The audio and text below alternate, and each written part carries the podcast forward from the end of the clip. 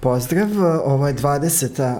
malo je reći jubilarna uh, epizoda uh, video uh, podcasta na filmske teme Prvi red i pošto je tako, ovog puta unutarnog već pominjenog letnjeg režima imamo letnji specijal posvećen našim osvrtima na uh, trenutnu bioskopsku ponudu i pošto je 20. i pošto malo smo u slavljeničkom modu, uh, Je. je, onda ćemo baviti se našim doživljajima, čak 14 filmova koji su se našli na bioskopskom repertoaru ovih sedmica i uh, to je to. Jeste. Đorđe?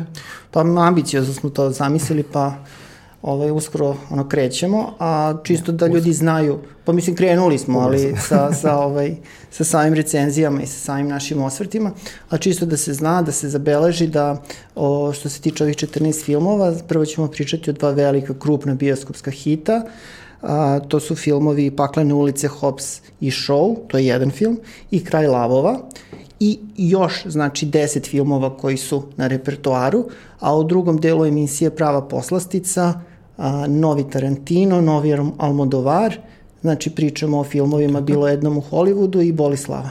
Dobro, da krenemo od Kralja Lavova. Može.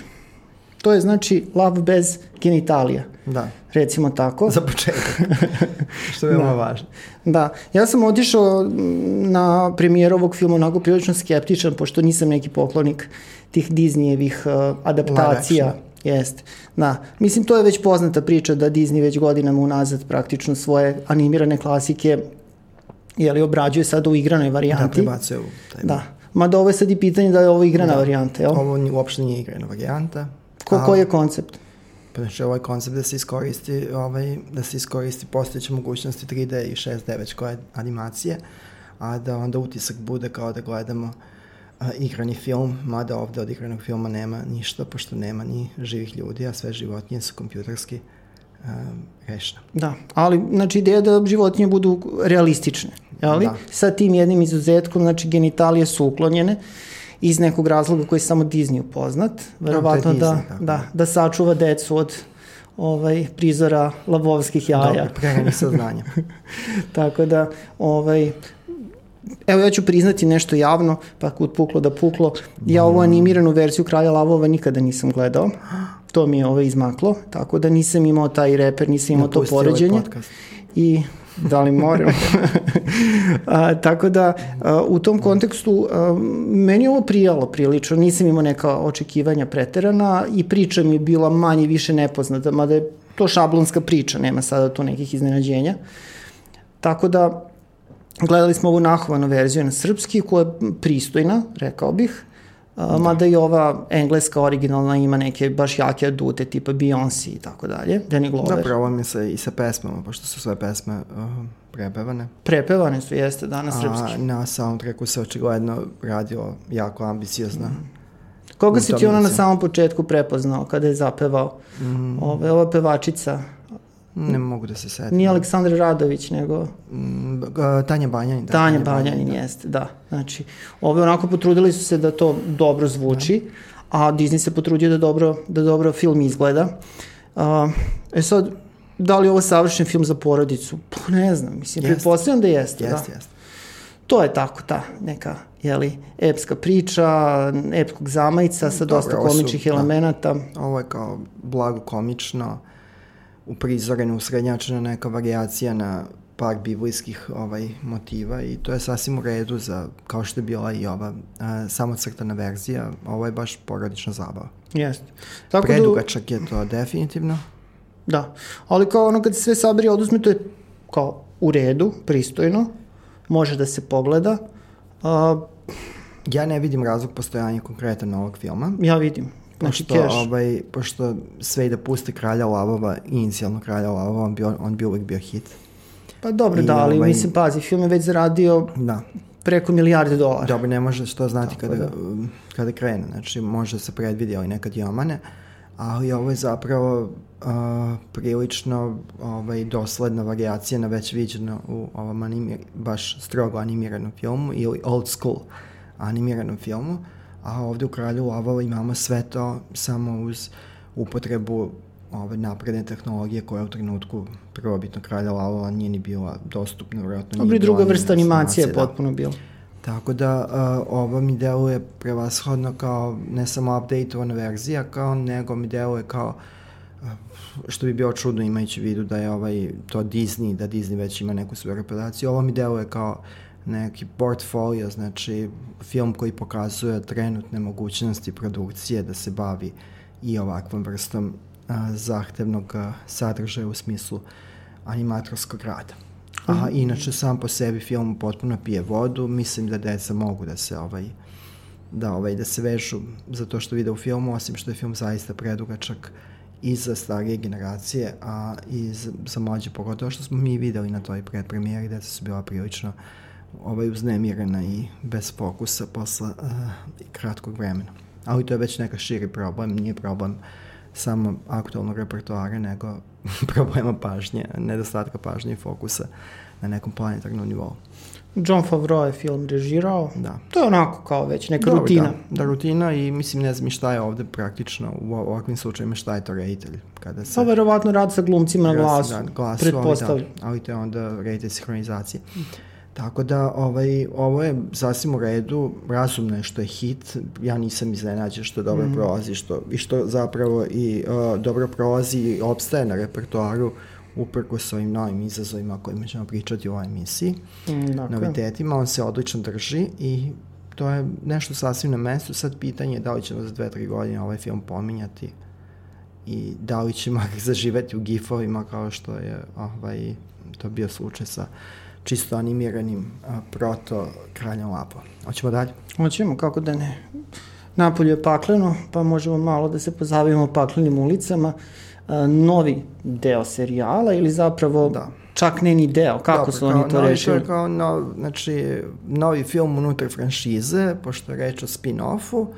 Znači, Jel imamo su... neki srpski prevod reči spin-off? Pa nema, nemamo. To bi bilo skretanje sa puta, ali to je prilično neprecizno ovaj, nema, nema spin-off. Moramo da se koristimo tim uh, groznim ovaj, posr posrbicama stranih engleskih izraza reboot, remake. Prepravak kod remake-a još i može, ali za spin-off zaista ne postoji nešto adekvatno. A, u svakom ali kao slučaju... jedna od mogućih variacija, s tim da su uzeti neki epizodni likovi.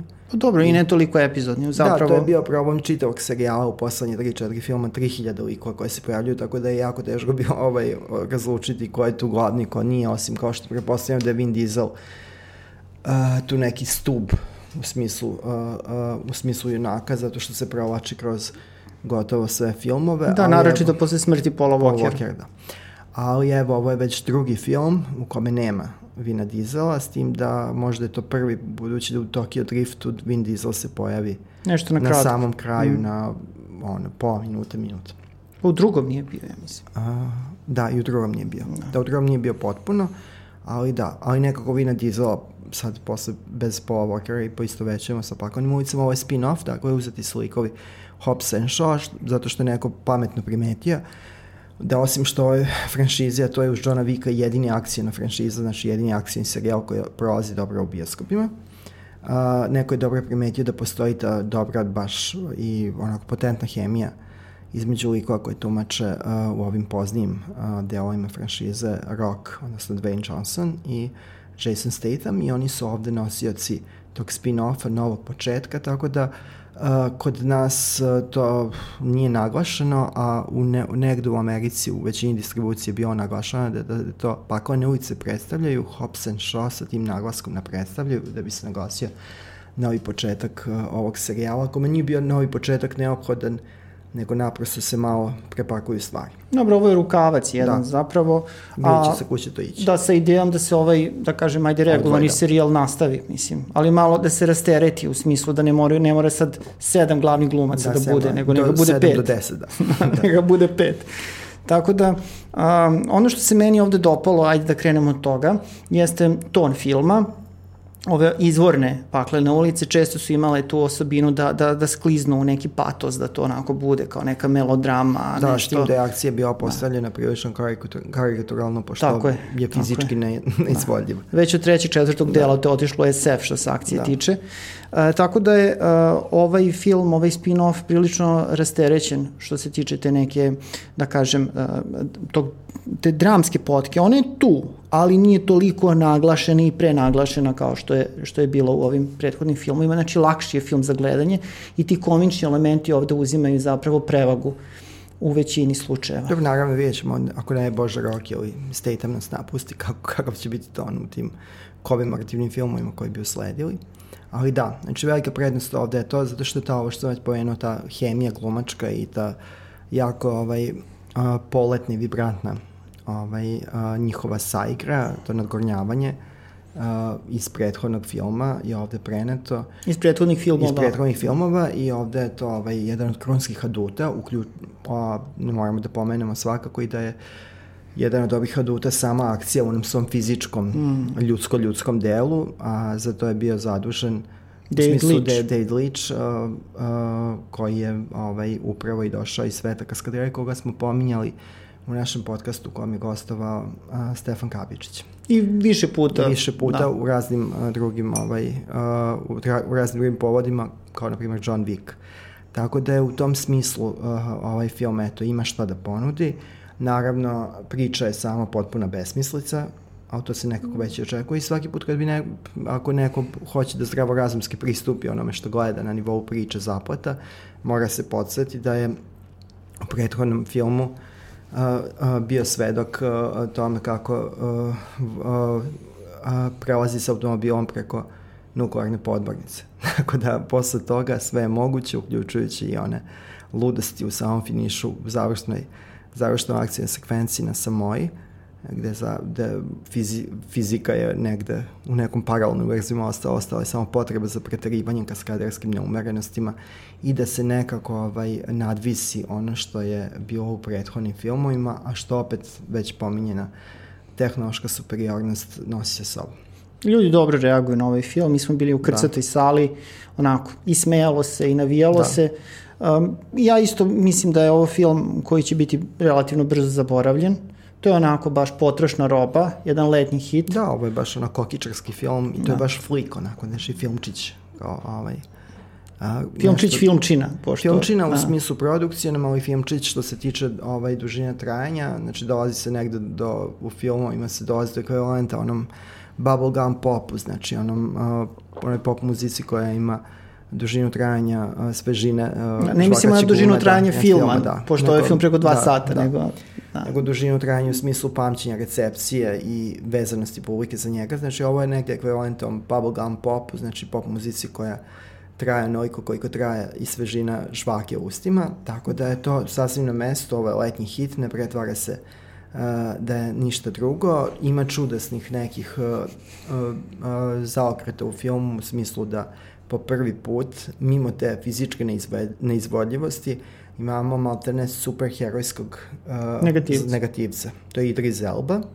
To jeste u, u ovom smislu najupitnije u ovom filmu, da li je sad serijalu Paklane ulice pa i njegovom spin-offu bio još potrebno iskliznuće u superherojski žanar, makar na nivou samo slikovca negativca.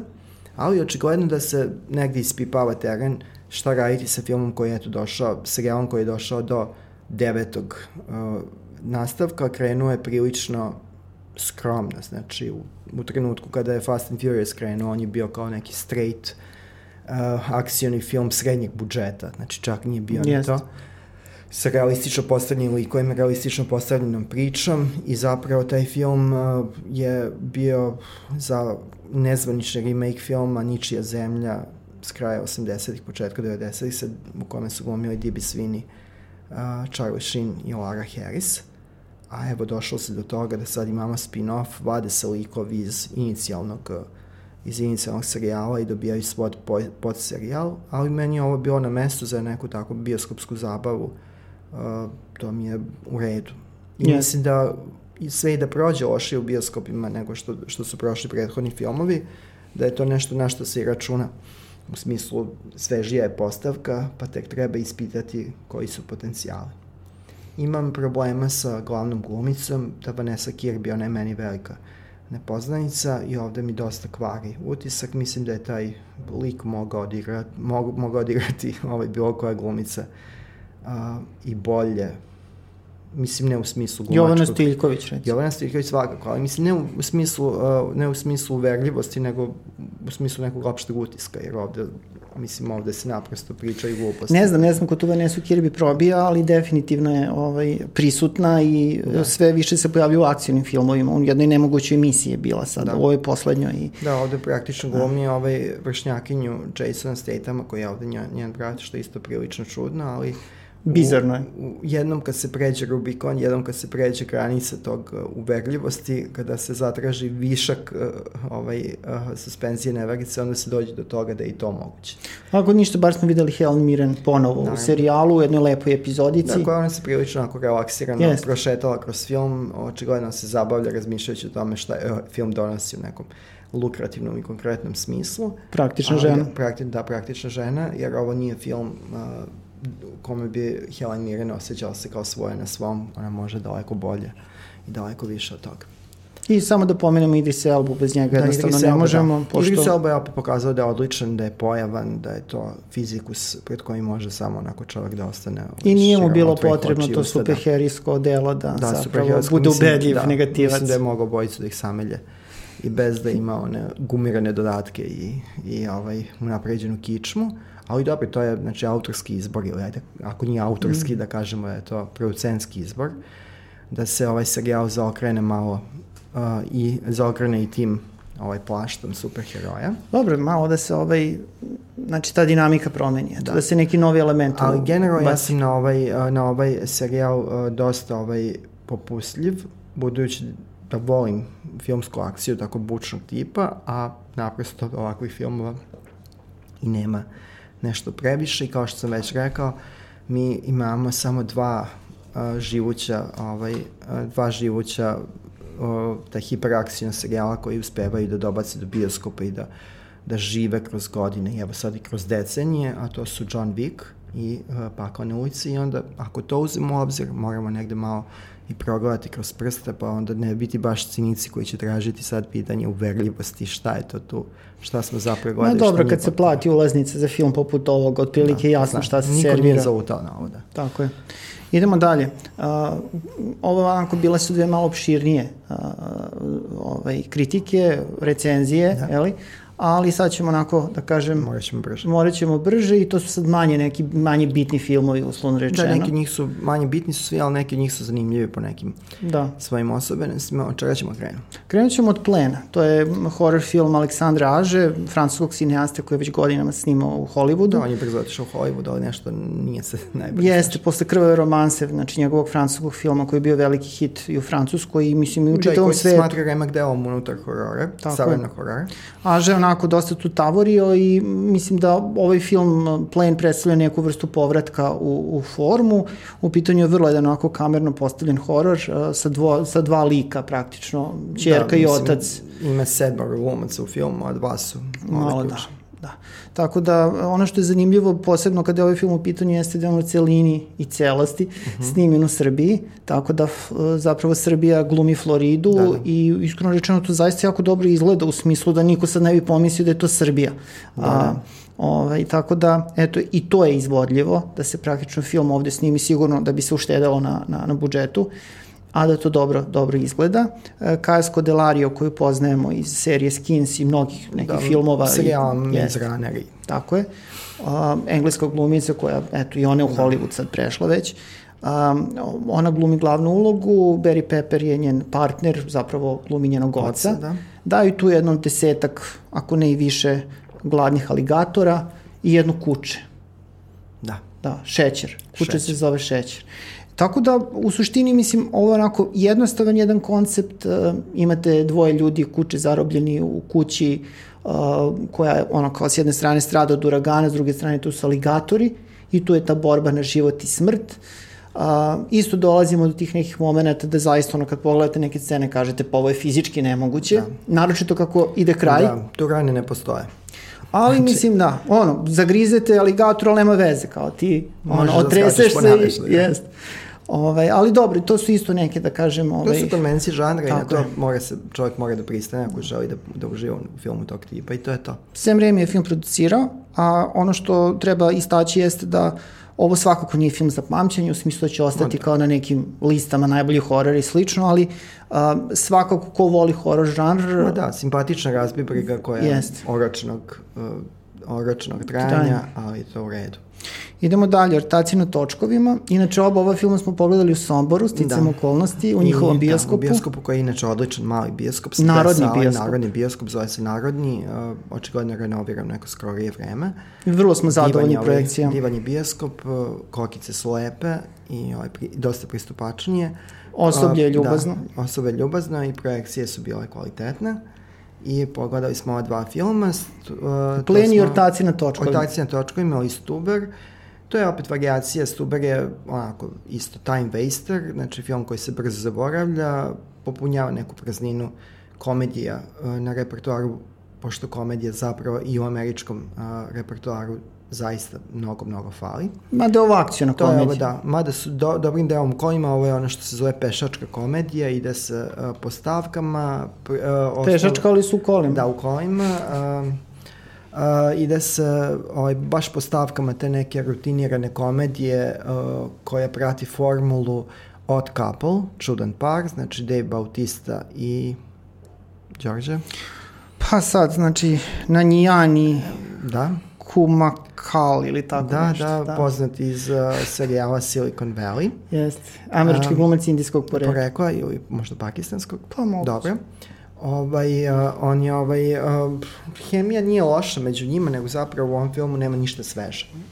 Znači, film povremeno biva uh, zabavan, uh, brzo teče, kratko traje, uh, to je dobro, ali naprosto sama premisa da se uh, dobar deo komike, ovaj, uh, dobar deo komike crpe iz uh, Ubera kao pojave, podatle i to Stuber, kao Stuart, što je ime glavnog junaka i Uber, ovaj, da se je prilično diskutabilno, pošto je ovo film koji pre funkcioniše kao neka uh, doskočica za vic ili za kratki film, mm. nego što, o, što odgovara uh, trajanju ipak od koliko, 85 minuta, ali tako negde. Tako je, kratak je film. Kraći je film. Ali prijatno ga je pogledati, ne zamara mnogo, ima par uspelih uh, uh, situacija, ali ako je nekome uh, do filmova kao što je Ponoćna trka, gde je ta formula čudnog, uh, uh, čudnog para. Para. čudno uparenih, uh, odlično funkcionisala, ovaj film može naprosto da zaobiđe. I meni... Ili da ga ne zaobiđe, da, ga pogleda, ali pogleda prosto da zna da to nije ta klasa. svest da to nije ta klasa.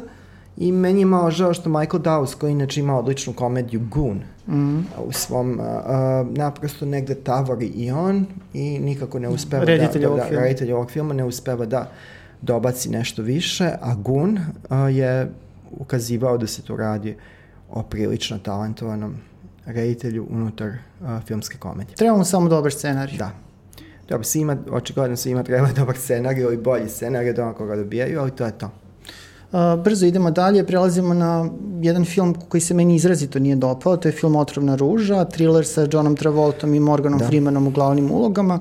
Film se pomalo misteriozno pojavio u našim bioskopima u smislu da on zapravo i nema neku širu distribuciju u Da, da, svetu, uključujući i Ameriku.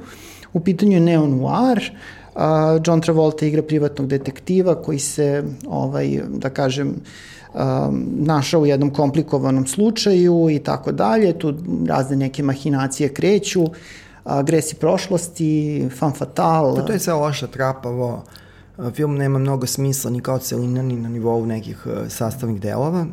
Ne znam i zašto postoji, nije mi jasno, pošto Travoltini filmovi dugo ne zarađuju puno. Uh, neka je bio, bio je neki problem u, u produkciji, očigledno, pa se osim Georgia Gala uh, kao reditelja pojavljuje na ime da boli nekih par italijana Jest. u smislu režije. Film je sniman u Italiji. Uh, f- ja sam stekao utisak da ovde fali u filmu nekog snimljenog materijala, znači da je nešto tu prekrajano, da se vadio film iz mrtvih. Nije bilo ni potrebno to uraditi, ovo je zaista film koji ne zaslužuje duži pomen od ovoga, osim da kažem da je George Gallo, a, scenariste malo pre pominjene a, ponoćne trke i radio i scenarij za Vice Guys uh, Briana Di Palme, a 90-ih je, eto, pomalo čudno, bio i uh, veliki hit njegov film u Srbiji tokom VHS ere i sankcija, njegov film 29. ulica sa Uh, Antonio Lapaljom je bio veliki hit u našim videoklubovima i evo posle mnogo dugog niza godina i lutanje negde po obodima Hollywooda, on se obreo u ovome i ovaj film koji će ostati, ako će i po čemu ostati upamćen, to je zaista ovaj stravična pojava Famke Jensen koja je sebe potpuno ovaj, unakazila plastičnim operacijama, to je meni najjači utisak ovog zaista besmislenog i bezglednog filma. Eto, koja jedna mala, jedna mala trivija, Ella Blue, Travol, Ella Blue Travolta se pojavljuje u jednoj manjoj ulozi u filmu, to je čerka Johna Travolta i da. ovaj, s kim je on beš u braku? S Kelly Preston? Kelly Preston, da. Da, tako da mislim, eto, mislim da ta devojka neće imati neku karijeru, to je moja procena. Pa mislim dok je oca on snima ovih 15, 15 ovih filmova možda će imati Ako će ovakve stavljati da. filmove, bolje da, da ne. Idemo, idemo dalje, komedija Ibica, francuska komedija, spektakularna, mm. ono, kao, kako se to zove, ono, otkačena komedija. Da, pa dobro, ovo je letnji, kao da. summer flick, znači da. letnji filmča, onako, ovaj brzo ide, simpatično je, evocira malo na Nije lako s muškarcima našu, ali ne u smislu da da je pokradeno, nego taj, taj neki kao Da, odlazak, odlazak porodični na Ibicu, porodici, u porodici samo postoje neki određeni ovaj, problemi, pošto je tu očuk zapravo dolazi, ili momak Kao majke, element, da. jeste, dvoje tinejdžera, svašta nešto. Um, iskreno ja nisam očekivao neki sjajan da. film, nisam ni dobio sjajan da, film. Ja sam mislio da, će, da je ovo ne, ne, tipo ne francuska komedija, meni je francuska komedija ono, do te mere ona, najupitnija moguća kategorija filmska. Ona kao negde razmišljamo o, o zabrani ustavnoj toga ali mislim sam da je to film sa koga je tako lako izaći. Ovo je za prilično simpatično. Da, pošto mi imamo, mi da. imamo istoriju izlazaka sa filmova Kristijana Klavija, da. tako da, koji ali ovde tumači glavno. Ovo smo pogledali do kraja, ima simpatičnih detalja, uh, humor je prilično ovaj, prizeman. prizeman na trenutke se ide i gross out.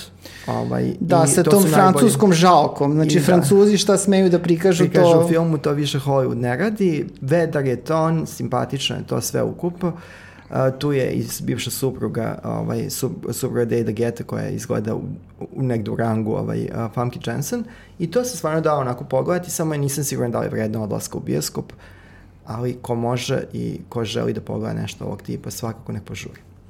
Idemo dalje, došli smo do filma Projekat Kolibri. Zorane, da. kako se tebi to čini? Projekat Kolibri ili Project Hummingbird, to je ona čudna sorta, znači jako dobar film, vrlo dobar film na potpuno nezanimljivu temu. Znači ovde se može pričati o toj klackalici između sadržaja i forme. U ovom filmu zaista nema, nje, ja nisam uspio da nađem njenu formalnu zamrku, osim što je zaista ovaj, nezanimljiva tema, a evo da pomenem samo kratko, znači a, priča prati pokušaje dvojice prijatelja, rođaka zapravo, da izrade nekakav uh, dalekovod kojim bi se brže prenosile informacije optičkim kablovima i tako nešto. I 2011. godine 2011. se dešava. 2011. dešava i oni pokušavaju da mimo kao velike korporacije koje su radili to urade, nailaze na razne prepreke, neke lične drame, probleme sa zdravljem, probleme sa psihičkim zdravljem. Zaista sve u ovom filmu dobro funkcioniše, osim što ga za, s druge strane zbilja teško preporučiti na nivou teme. Glumci su zaista dobri, u dobrim izdanju Jesse Eisenberg, uh, uh, Aleksandar Skarsgård, Aleksandar Skarsgård, Selma Hayek, Michael Mando, zapa, zapažen kao Nacho Vargas u, Nacho Varga u uh, Better Call Saul. On je baš dobar. On je odličan epizodista, Sarah Goldberg koji znamo iz serije HBO-ove Barry, sve je zaista tu na mestu. Reditelj pokazuje da zaista da mnogo, mnogo može, čak i sa ovakvim materijalom, a on je i autor scenarija, tako da je sve to prilično čudno. A reditelj Kim Niguen ili Niguen, kako god, e, kanadžanin, je pre nepune dve godine imao odličan film, Dvoje ljubavnika i uh, Medved, sa uh, Delom Dehanom i Orphan Black, Tatjanom Maslani. Maslani. Ovo je film koji je ta negde kao blago komična drama.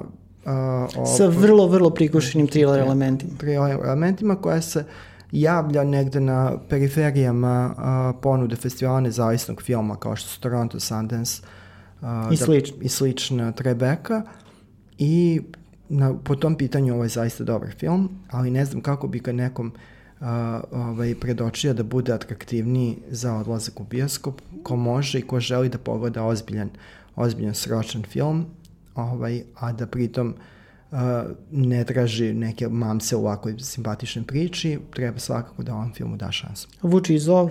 Vuči zov. Vučim zov je jako teško naći bilo šta što valja.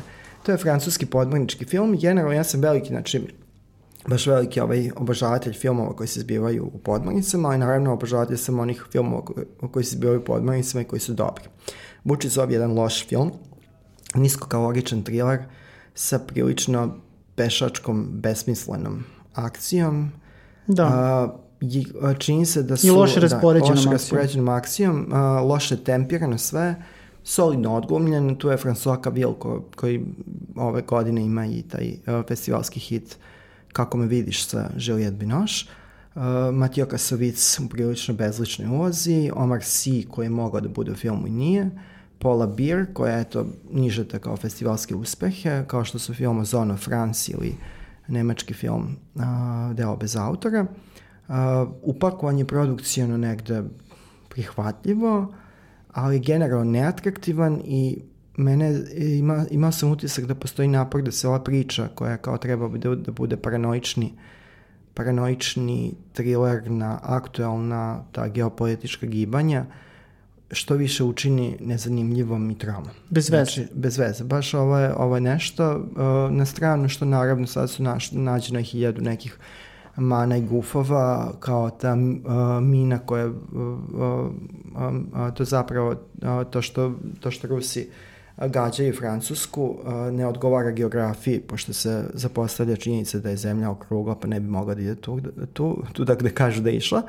Ali film zaista nema šta da ponudi. Ma kad je film dobar, to bi mu On je, da, progledali kroz prste. On je prošao solidno u Francuskoj, uh, u bioskopima, završio je na francuskom Netflixu, u Americi isto nešto malo igrao, evo ga i kod nas u bioskopima, ali ja iskreno i onako mirim duše ne bih mogao ovo nekom da, da, ovaj, da preporučim za odlazak u bioskop i za trošak bioskopske karte, mislim da ovo ne vredi.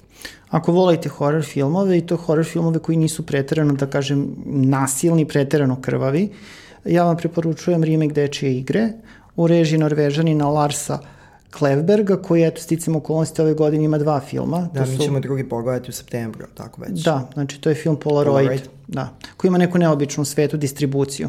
Ali u svakom slučaju, um, Dečja igra je remake kultnog filma Toma Hollanda iz 80. godina o lutku ubici. Um, remake ovde možemo uslovno uzeti, znači kao termin, pošto je zapravo potpuno promenjena ta, ta postavka, ne radi se više o lutku koji je opseo duh a, za, zaposeo duh serijskog ubice, nego zapravo veštičkoj inteligenciji koja se otela kontroli. Uh, Da, um, ne, pitanje je da li se o to kontroli budući da na početku neko nešto čačne softverski, onda čak i postane zao. Pa recimo da ovaj Badi, postane postane sposoban da, Da. da ubija, je li? U teoriji, a kasnije u praksi. Mislim, ovo onako, prva polovina filma, pre svega, ja mislim da ko, kao neka mračna komedija funkcioniše, kasnije ti horror elementi su malo izraženiji, ali u suštini kada se sve saberi i uzme, ovo je pristojno, ali ne pretrano upečatljivo. Isto je nepečatljivo i tim pre što mora se imati na umu da je ovaj serijal imao i boljih, u svojim poznijim pakovanjima imao boljih. Ovaj, Ronnie Yu je tako odlično se pokazao. Of sa onim Chucky, da. Chucky, gde, gde uh, serijal nekom osvežen, a dobio se na kvalitetu. Tako je. Znači, ovo je prilično rutinirano i ostaje problem onoga što si ti pomenuo, eto se vratimo na paklane ulice, uh, ono što se činilo da je dosta lako sprovedeno u prvobitnoj dečoj igri Toma Hollanda, taj posprdni ton koji sa druge strane uh, ne ugrožava tu ovaj, jezu mm. koju, koja je nužna za film horror opredeljenja, ovde nije postignut. Nije, nije. Ovaj film je zapravo možda bolji nego što se čini da je, e, nego što se činilo na nivou trailera, ali nije dovoljno dobar da bi predstavljao novi početak e, za ovaj serijal. Da, ja verujem da će se završiti priča na ovom da. prvom delu. On je prošao relativno pristojno, ali nije neke... Da nije, s Da. tim da Don Mancini već sprema tu seriju, tako, tako da... Da, Don Mancini koji je zapravo i radio ovaj Kreativno. originalni, originalni Charles Play, prvo kao scenarista, onda i kao reditelj, da. reditelj. On, znači, je dobio pravo zapravo da radi sa originalnim izvornim Čakijem, kome Brad Dourif daje glas, da radi seriju. Da, i da pomenemo, znači ovde se Mobri Place Tako i je. ovog simpatičnog Indi kraljice. dečaka Indi kraljice.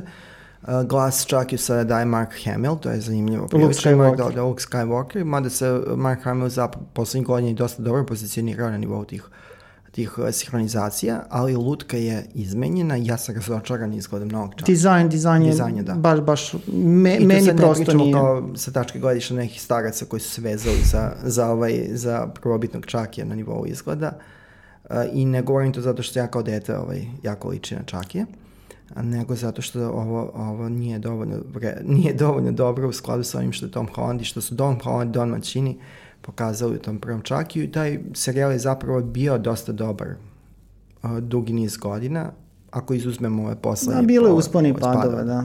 Ovih poslednjih godina to je bio svega i svačega, ali ovo je kao čak i za bioskope i mislim da i ovo nažalost film koji će brzo biti da. zaborav. Jedino eventualno taj Gabriel Bateman, dečak. Dobro, da, on je Mislim dečak, da, on je odličan i da. već, već ima ono kao nove uloge, ali to sad možemo bacati Bob šta će biti sa uh, detetom koje glumi kada odraste, jer Hollywood je zapravo mimo svega ostalog istorije te... Da, Hollywood jede decu da, glumca. Da, Hollywood je istorija te propasti uh, deca glumaca. Ali ajde držimo Jasonu, naravno, ovaj, naravno. držimo mu ovaj Gabrielu, Gabriel, Gabrielu Gabriel, držimo ovaj figi.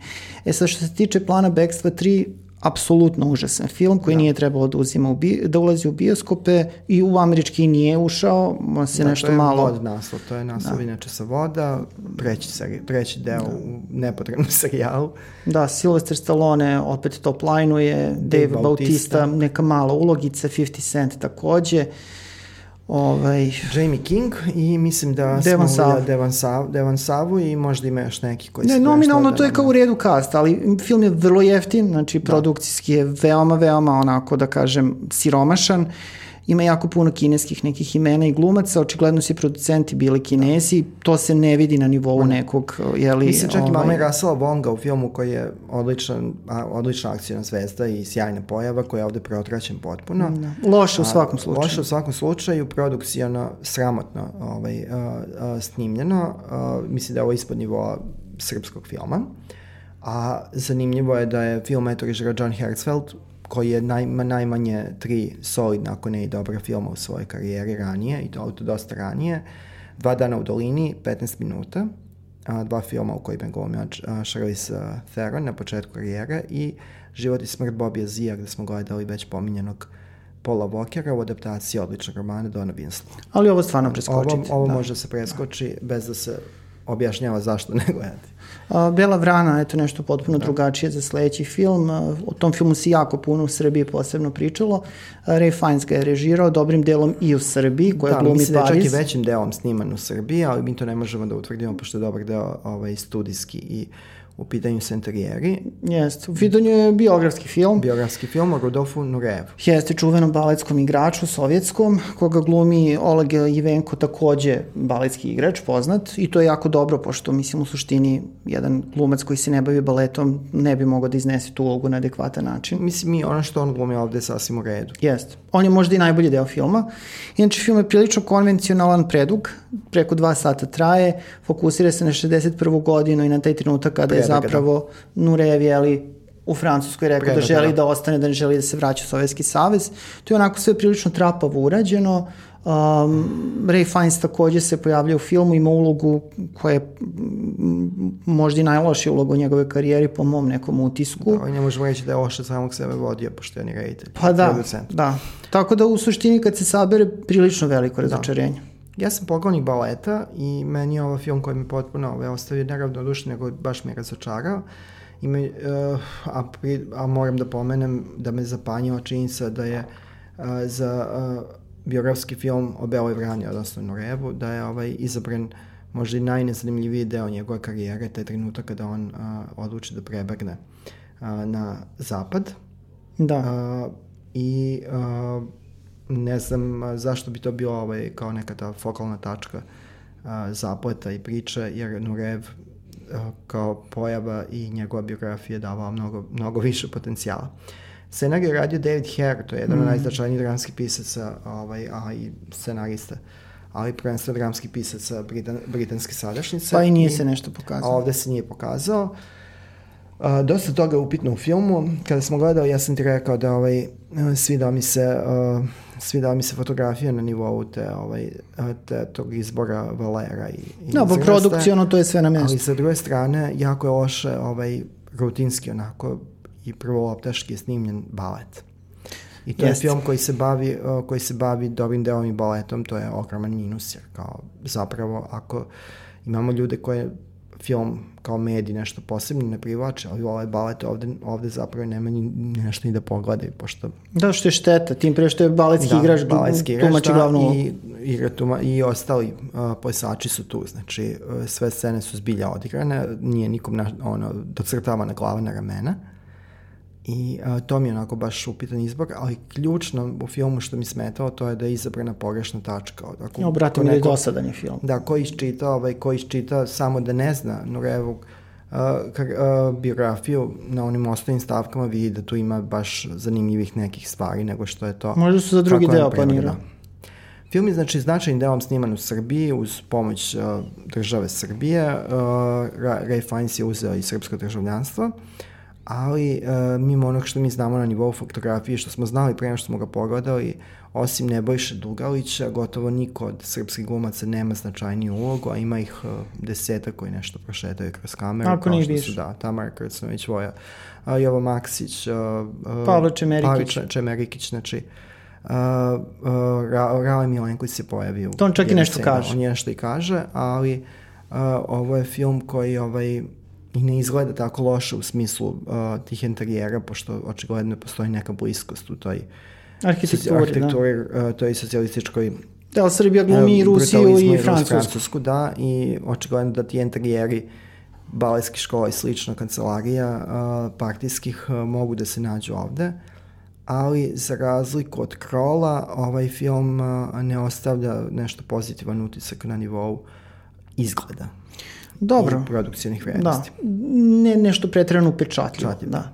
Ali ono što je interesantno jeste da i u tim nekim svetskim razmerama ovaj film je onako da, prilično je zapaženo prošao. Da. Tako da mislim da tu od nekih nominacija za Oscara nema, nema govora. Pa ne da nema, nego sigurno nema budući da je film iz 2018. A, tako a, Znači, onda ne, ne može ni biti sledeće. Ne može ni biti, da. Ne može ni biti sledeće godine. Da on je zakasnio kod nas. Da, on je zakasnio prikazan kod nas, na festu, prikazan je na festu, pa da. sad, sad je tek došao. Tako U bioskop. Da, eto, ovo znači isto može da se uh, propusti, osim ako ste zaista ljubitelji Polunina, Ivenka, baleta, pričate i ako volite uopšte biografske filmove, znači to je to, ali uh, za mene je razočaranje. Poslednja prevara je isto jedan film koji u suštini ima vrlo ograničenu distribuciju u bioskopima svetskim, ali kod nas je stigao na naš repertoar. u pitanju je film koji se original, original zove Lying and Stealing, da. čisto da ne bude zabune. Glavne uloge tumače Theo James i Emily Ratajkovski, koji su prilično dobar ovde par i iskreno rečeno ovaj film Matt Asselton je mene prijatno iznenadio, ajde tako da kažem. Ne mislim da je to veliki važan film, ali kada ga pogledate onako kao paket, to je jedan onako dosta solidno snimen film da. a, koji kao, kombinuje da, thriller, ljubavnu dramu, znači, jedan... Negde smenica je bila afera Thomas Crown, da. naravno nije, nije do te mere dobar do koje... Nije približno. Približno, bo, nije ni do mere naravno ne dolazi ni do mere uh, Mekterinovog remake. remake tog filma, ali je zapravo dosta pitak, zgodan film. Ja nisam siguran da li mu je bioskop prava mera, ali je film koji je sasvim na mestu. Film srednjih dometa, u kome ništa zapravo ne škripi, priča je simpati, glavni li koji su simpatični, priča je dovoljno zanimljiva. No. Reč je o nadgorjavanju dvoje lopova, to je grupe lopova, a njihova meta su uglavnom umetnine. Tako je. Ja moram reći da... Dovoljno je dinamičan, to je isto dobro, i kratak film, što je za ovu vrstu filma Bitno. dobar. Da, Tio James može da nosi film. Emilija Ratajkovski prvi put vidim da mi je simpatična. E, to sam ja da, htio da kažem. Ali sad ti reci. Pa, to sam htio da kažem za Emili Ratajkovski. Obično kad se ona u nekom filmu pojavi, prosto ta fascinacija tom glumicom je meni bila ono kao, nije, nije mi da. ulazila u domen mog razumevanja, ali definitivno ovaj film predstavlja napredak za nju i kao sad mogu da je vidim kao, na primjer, glavnu, glavnu žensku ulogu u nekom filmu posle Evo, ove, da. Da ove poslednje prevare. Da, ovo je za ljubitelje VHS trilera 90-ih. Sasvim. Sasvim od, odličan izbor. Jeste. Ali sada dolazimo do glavnog jela, zapravo do dva da. glavna jela. To su filmovi Almodovara i Tarantina. Uh, krenut ćemo od Tarantina, zašto da ne. Uh, u Bilo pitanju je... Bilo jednom u Hollywoodu, njegov deveti film, kako se on zvanično vodimo, da bi neki rekli deseti, Deset. ako se Kill Bill računa kao, kao dva filma. Dva filma, kao, Jeste. kao diptih. Ovaj, tako da, naravno da je Tarantino reditelj koji privlači pažnju već decenijama, od 92. je u žiži od uličnih pasa, um, zaista kultnog filma, onda su došle petparačke priče koje su učvrstile tu njegovu poziciju i mislim da ta karijera njegova tokom 90-ih i ranih 2000-ih je bila onako prilično jaka I um, po meni negde zapravo uh, problem uh, sa Tarantinom nastaje nakon filma Otpore na smrt iz 2007. godine, to je deo ovog Grindhouse diptiha. Grindhouse diptiha sa Rodriguezom, da. Da, te Rodriguez snimio superioran film, znači kada, kada ga poredimo sa ovim Tarantinovim. Da, i on je posle, posle potonuo taj besmisl od sebe kviki. Ali se vratio sad u... Ali sa Litom se, se vratio. Ove, ovaj, tako da, Eto, to ću reći isto javno, kao što sam rekao da nisam gledao ovaj, prvu verziju Kralja lavova. A, reći ću da zaista ne volim Tarantinove filmove Prokletnici, Džangova osveta i Podlih osam. Da. Znači, to su ova tri filma koja prethode a, Bilo jednom u Americi. Ne mislim da su bilo to... jednom Hollywoodu? Bilo jednom u Hollywoodu, da. A nisam ni ovo slučajno rekao, pošto zapravo Bilo jednom u Americi predstavlja omaž Sergio Leone između ostalog. Da, mada bi to da. nije baš u ovom konkretnom slučaju pametno, pošto ovaj film je zaista remak deo, a ovo je jedan zbunjujući loš da. film. Možda čak, eto, nažalost, to moram da kažem, uh, u ovom nizu filmova koje sam sada malo prepomenuo, možda ovaj poslednji najslabiji. Da, ja nisam siguran, još je sve žutisak. Mm -hmm. Ja ne volim ovaj, te filmove, meni je onaj uh, uvodni deo mm, prokladnika sa Christopher Waltzom bio agonalan. To sam jedva izdržao. Ali taj film da. ima nekih svojih aduta, recimo. Ovaj, um, uh, Django mi je zaista bio gotovo neprihvatljiv i uh, Podlih osam je bilo ono, pozorište na filmu. Da. I tu, tu negde kod tih podlih osam sa potpuno mi se iskristali utisak da zapravo svi filmovi na koje referiše, da su ključne reference Tarantinove su mnogo bolje od njegovih filmova koje on pravi radeći di, aluzije na te, na te preteče koji dolazi iz B sveta. Tako Tarantino da, je jedan veliki kompilator, to je već, mislim, potpuno jasno i kako vrijeme odmiče, to je sve jasnije izraženije. Uh, tako da, ovaj, jednostavno i ovaj najnoviji film se tu uklapa negde u taj smer o, njegove karijere. Znači, jako puno omaža, najrazličitih... Da, dispresivanje do, do krajnjih granica, aluzija je mali milion. Da. A jesi primetio da. da zapravo, primetio si, pošto smo o tome pričali, da. a, film zapravo a, nikako da počne. Pa nikako da počne, sad ja sam tebe pitao, pošto sam slabije malo pratio to faktografiju mm. i to, mislim da čak ni onaj trailer nisam pogledao kako treba kad se pojavio. Da, ovaj, pitao sam te da li ovaj film ima neki zaplet, sem što prikazuje kako, kako su izgledale stvari u Hollywoodu tih... 69. Kraj, kraj, krajem 60. godina i negde jeste utisak da je film lišen zapleta, to negde na polovini seti se Tarantino da bi film trebao da ima nekakav zaplet, pa pokušava da umreži to Sharon Tate i ovu izmaštenu priču o televizijskom glumcu koji je negde na nizbrdici, a koji pokušava da se prebaci u prestižniji uh, filmski medij. Jeste, Rick Dalton, koga glumi Leonardo da, Di, DiCaprio. DiCaprio. Ali zapravo ovde nekog zapleta ni nema kad god pokuša da, da se bavi zapletom i tom nekom složenijom naracijom, ovaj film biva još dosadniji. Eto, ja ću pohvaliti, to moram da kažem, zaista u tom produkcijnom smislu zaista se tih 100 miliona vidi na ekranu. Dobro, to je bio čudo i da se ne vidi. Saglasan sam. Ovaj, opet, s druge strane, jako mi prija kako je uh, oživljen taj Hollywood iz 69 uh, junaci se puno kreću kroz prostor, znači nije ono kao zakuci u sednu sobu pa se tu nešto, mada ima i da, toga. Da, ovo nije, ali, nije ovo srpski film i srpski televizijski film gde bi ljudi bili u jednoj sobi i šetali ispred veli. Ali ako, na primjer, prethodni, ali ako, ako pričamo o prethodnom Tarantinovom filmu, to je zapravo taj postupak bio, da. jeli? Tako da ovde ne, ovde imamo te epski neki zamah um, i zaista to oživljavanje Hollywooda super izgleda, zaista je onako urađeno vrlo detaljno, uh, a, imate taj neki utisak da ste tu u tom vremenu, da ste u 69. i da provodite to neko vreme sa tim junacima koji su tu. Ali to vreme zapravo nije tako zanimljivo kao što se sugeriš. Pa mislim, film prvo traje 2 sata i 40 da, minuta. Nije malo potrebno. Što zaista, eto, mi smo nešto i brojali sceni i gledali, mislim, Naravno, Tarantino je taj koji treba da odluči šta će ući u konačnu verziju, ali... Ne, ovde mi pričamo o našem utisku, ne pričamo, ne sudimo njegove autorske odluke, pošto su njegove autorske odluke negde ali, ali, prioritet. Ali kao 40 minuta je moglo da leti apsolutno bez ikakvih problema. Ja nisam dosta toga razumeo čemu, znači e, svi oni ovaj, segmenti koji se tiču kao tih scena koje Leonardo DiCaprio snima u tim beskrajnim TV serijama, pošto Ovo je film Tele, koji... Da, DiCaprio glumi televizijskog glumca, povremeno i filmskog glumca, koji pokušava kao da, Da napravi tu da. tranziciju, da. I to mu ne ide baš najbolje.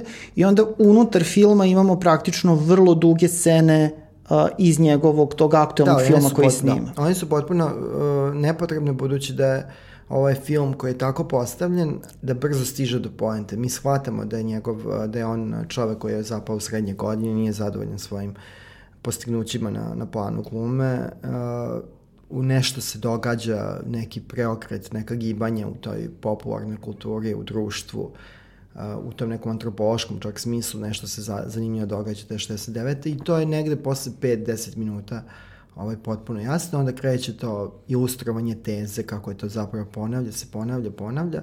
I tu negde film zapada u taj loop gde, gde on nama prikazuje ono što smo već shvatili. Lik, se ne, lik uh, Rika Daltona se ne razvija, on kakav je na početku ostaje do kraja i uh, zato čita film... To važi za da, sve likove. Da, zato mi či, i, film kao celina izgleda prilično ovaj, uh, iznuđeno, ovaj, isforsirano i uh, na kraju onda izlišno. Ima tu nekih zanimljivih momenta, na primjer ta cela priča oko Sharon Tate, način na koji je to razrešeno je meni bilo Da, to je kao alternativna Zanimljivo. istorija Hollywooda, to je istorija Jeste. alternativnog Hollywooda. Nećemo više od toga reći, pošto... Ovaj, Što je kraju sam, u pitanju, da. Jeste, ali u suštini film negde profunkcioniš u poslednjih pola sata. Što je stvarno prekasno. S tim da u tih poslednjih pola sata a, Tarantino se doseti da se od njega očekuje i to hipertrofirano nasilje, da film mora da bude izuzetno nasilje, onda film nadoknađuje nedostatak nasilja iz a, prethodna dva sata i kusur. Jeste.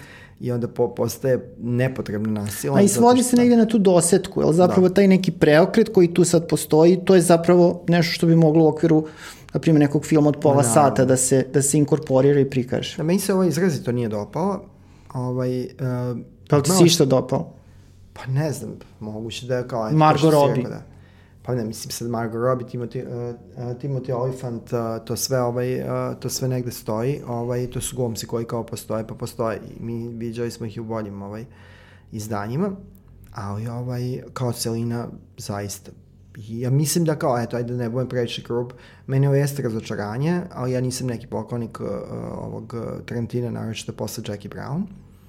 A, Posle Kill Billa. posle Kill Bill, izvinjavam se, da, posle Kill Bill, ovaj, a, tu sam negde potpuno ovaj, a, interferentan prema ovaj, Tarantinu, ali evo da zaključim, mislim da ovaj a, film treba da pogledaju svi a, koji vole ne samo ovu vrstu filma, nego cene Tarantina kao pojavu, a, jer on jeste veliki autor, bez obzira što su sad njegovi u mom doživljaju filma i sveta, njegovi dometi prilično diskutabilni, on jeste veliki autor i treba da poštujemo tu činjenicu da nam je dato da budemo savremenici njegovi, da možemo da ga pratimo i da se nadamo da će onda sledeći put se vratiti na fabričke postavke, ako je to nešto mogu, uopšte i moguće, i da nećemo gledati uh, film kao izgovor da se omažira, uh, da se tu nešto kompilira i da se nerazumno mnogo uh, daje oduška vlastitim fetišima, a to je ono što smo pričali, gola stopala koja su u ovom filmu, znači,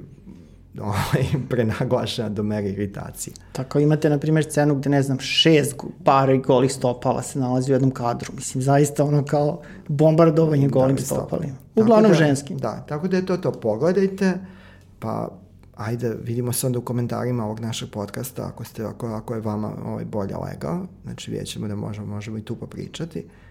Što da ne? Što da ne, ali ovo definitivno ne bi bio ovaj moj izbor i mislim da nije, ne, da nije neki od filmova koje bih ja stavio u zagradu iza Tarantinovog imena.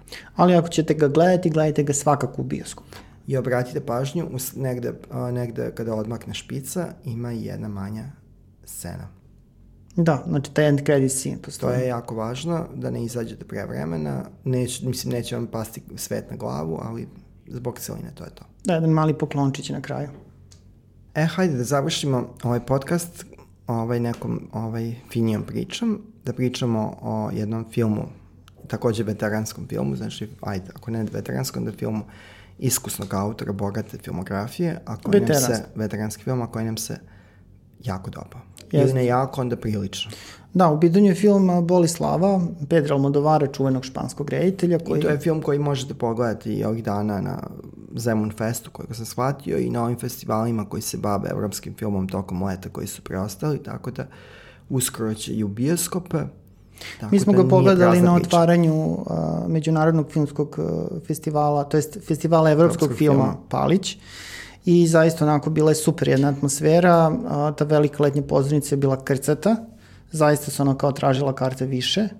Jedino je više ljudi bilo na Ivaru nekoliko dana kasnije. Dobro, ali to je domaći film. Da. To je domaći film, dobro, bez obzira, znači lep uspeh oba filma u smislu, znači publika je žela da ih gleda i imala šta i da vidi. Dobro, ali Almodóvar je kapitalac, tako da mislim šta god je Almodóvar, sa Almodóvarovim filmom išlo, uh, imenom išlo, bilo bi gledano. Jeste, ali pohvala ljudima, pohvala, da. ljudima ovaj, koji su pravili program u Paliću, prosto staviti Almodovara na otvaranje, onako pravi potez bio i privukao je dosta ljudi.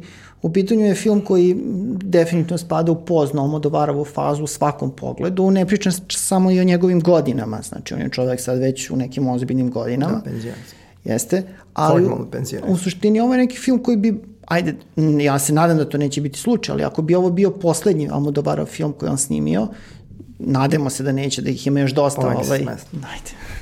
Da. A, u suštini radi se o jednom povlačenju neke crte. Film je izrazito autobiografski, ja nisam gledao do sada jedan Almodovarov film koji je toliko autobiografski. Dobro, njegovi svi filmovi su manje više autobiografski, čak i oni koji su bili adaptacije romana, bilo je nekih ovaj, To ništa nije sporno, ovaj, ali u suštini je ovo ovako prilično direktno autobiografski, gde je naravno Almodovar kao pametan čovek uz Antonio Banderasa da glumi lik koji je zapravo inspirisan samim Dobro, to je lepo za okruženje, budući da uh, Almodovar, Banderas, izuzmemo ovih prvih par filmova i bio dobrim delom u tom krunskom delu Jeste. karijere kada se pravila ta ovaj, ta pomama i ta a, neka mitopoetika, legenda Almodovara, ovaj, kada se sve to formirao, a, Banderas je bio ključni igrač.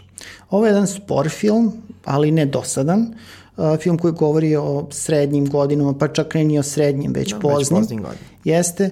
Um, dosta nekih onako intimnih momenta je tu iz ljubavnog života, zdravstveni problemi, odnos sa majkom, preplitanje prošlosti, sadašnjosti, Almodovarovu, Almodovarovu majku ili da kažem majku glavnog junaka u mladosti tumači Penelope Cruz, koju je uvek lepo vidjeti na velikom platnu.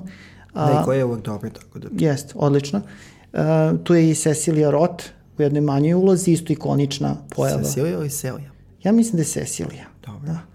Ovo proveravao sam nešto pre podcasta, tako Dobro, da. i dosta glumaca koje smo viđali ranije kod Almodovara, ali ima i neki koji su sveže pristigli i zanimljivo je da ima i filmo i glumaca koji su glumili u nekim aktualnim španskim serijama koji su prikazivane, dramskim, koji su prikazivane kod nas kao taj Grand Hotel.